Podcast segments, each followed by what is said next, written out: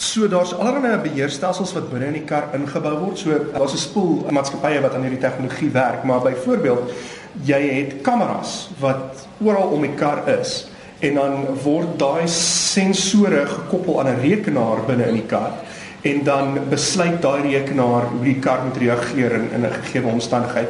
En dan natuurlik het jy 'n soort GPS tegnologie sodat hy weet waar die kar is en dat jy vir die kar sê ek wil soontoe ry en dan gebruik jy die sensore om te sien mag hy nou draai, mag hy nie nou draai nie, kyk of daar ander karre om hom is en so word die kar nou maar beheer.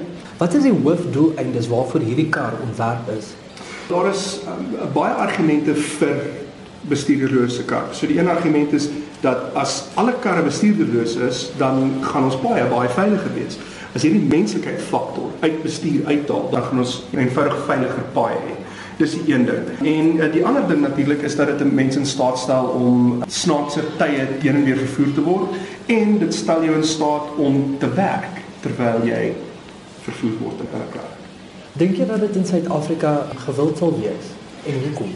Ek dink dit kan in Suid-Afrika gewild wees en dit hang regtig af van hoe die tegnologie ontwikkel in in meer ontwikkelde lande.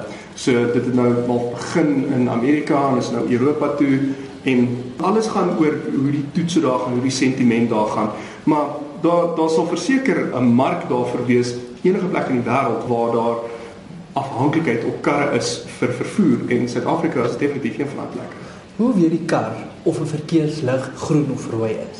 So, miskien om daai vraag te beantwoord, die eerste ding is om al die soort stelsel wat jy wil eendag hê. Ja. En dit is dat die verkeersligte en ander karre en miskien selfs die pad praat met die kar en sê vir hom luister, dit is die omstandighede tans om jou. Maar op hierdie stadium natuurlik werk die wêreld nie so nie. So vir nou, wat hulle doen met hierdie karre is hulle sit kameras oral. En jy het selfs 'n kamera wat voor by die ruit uitkyk. Dan sien hy die die verkeerslig En dan natuurlik uh, raak dit weer kompleks as dit want jy pyltjies en allerlei ander goed waarvan die kar uh, moet kan sien. Hy neem die beeld in en dan prosesseer hy dit binne in die in die voertuigrekenaar en dan besluit die rekenaar of dit 'n rooi of 'n groen lig is. So hoe veilig is so karre? Kan hulle gesteel word en wat gebeur tydens 'n ongeluk? Wie neem verantwoordelikheid? Ja, en dis baie interessante vraag wat nou opgekom het soos die tegnologie verder en verder kom. So dusver is hierdie karre redelik veilig geweest. Daar is jy weet uh, 'n uh, handjie vol uh, ongelukke al gewees met hierdie karre, maar dit is altyd op ongelooflike lae spoed en uh, niemand is beseer nie. En die die ander ding wat 'n fantastiese storie uh, met een van hierdie karre wat gebeur het is 'n uh, polisieman het, het een afgetrek en vir hom 'n kaartjie geskryf want hy ry te stadig kan hulle gesteel word? Nou, ek is seker waar daar 'n wil is, is daar 'n weg. En wie se van verantwoordelikheid is dit? Daar was nou onlangs 'n geval gewees waar een van hierdie voertuie in 'n bus vasgery het. Weer eens baie lae spoed, niemand is beseer nie. En die maatskappy wat verantwoordelik is, het deels verantwoordelikheid vir die ongeluk gevat.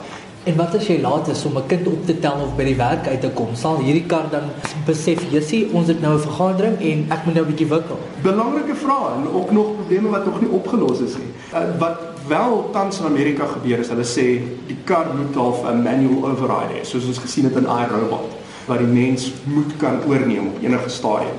So ja, as 'n bietjie gejaag is, moet jy dalk nie jou rekenaar uh vertrou om jou betyds by die werk te kry nie. So hoeveel mense kan so 'n kar op een slag vervoer? Op hierdie stadium kyk hulle basies na een uh, in die passasierssitplek, maar jy kry natuurlik hierdie groot SUV tipe voertuie wat uiteindelik soveel mense kan vervoer as wat in hom veilig mag sit.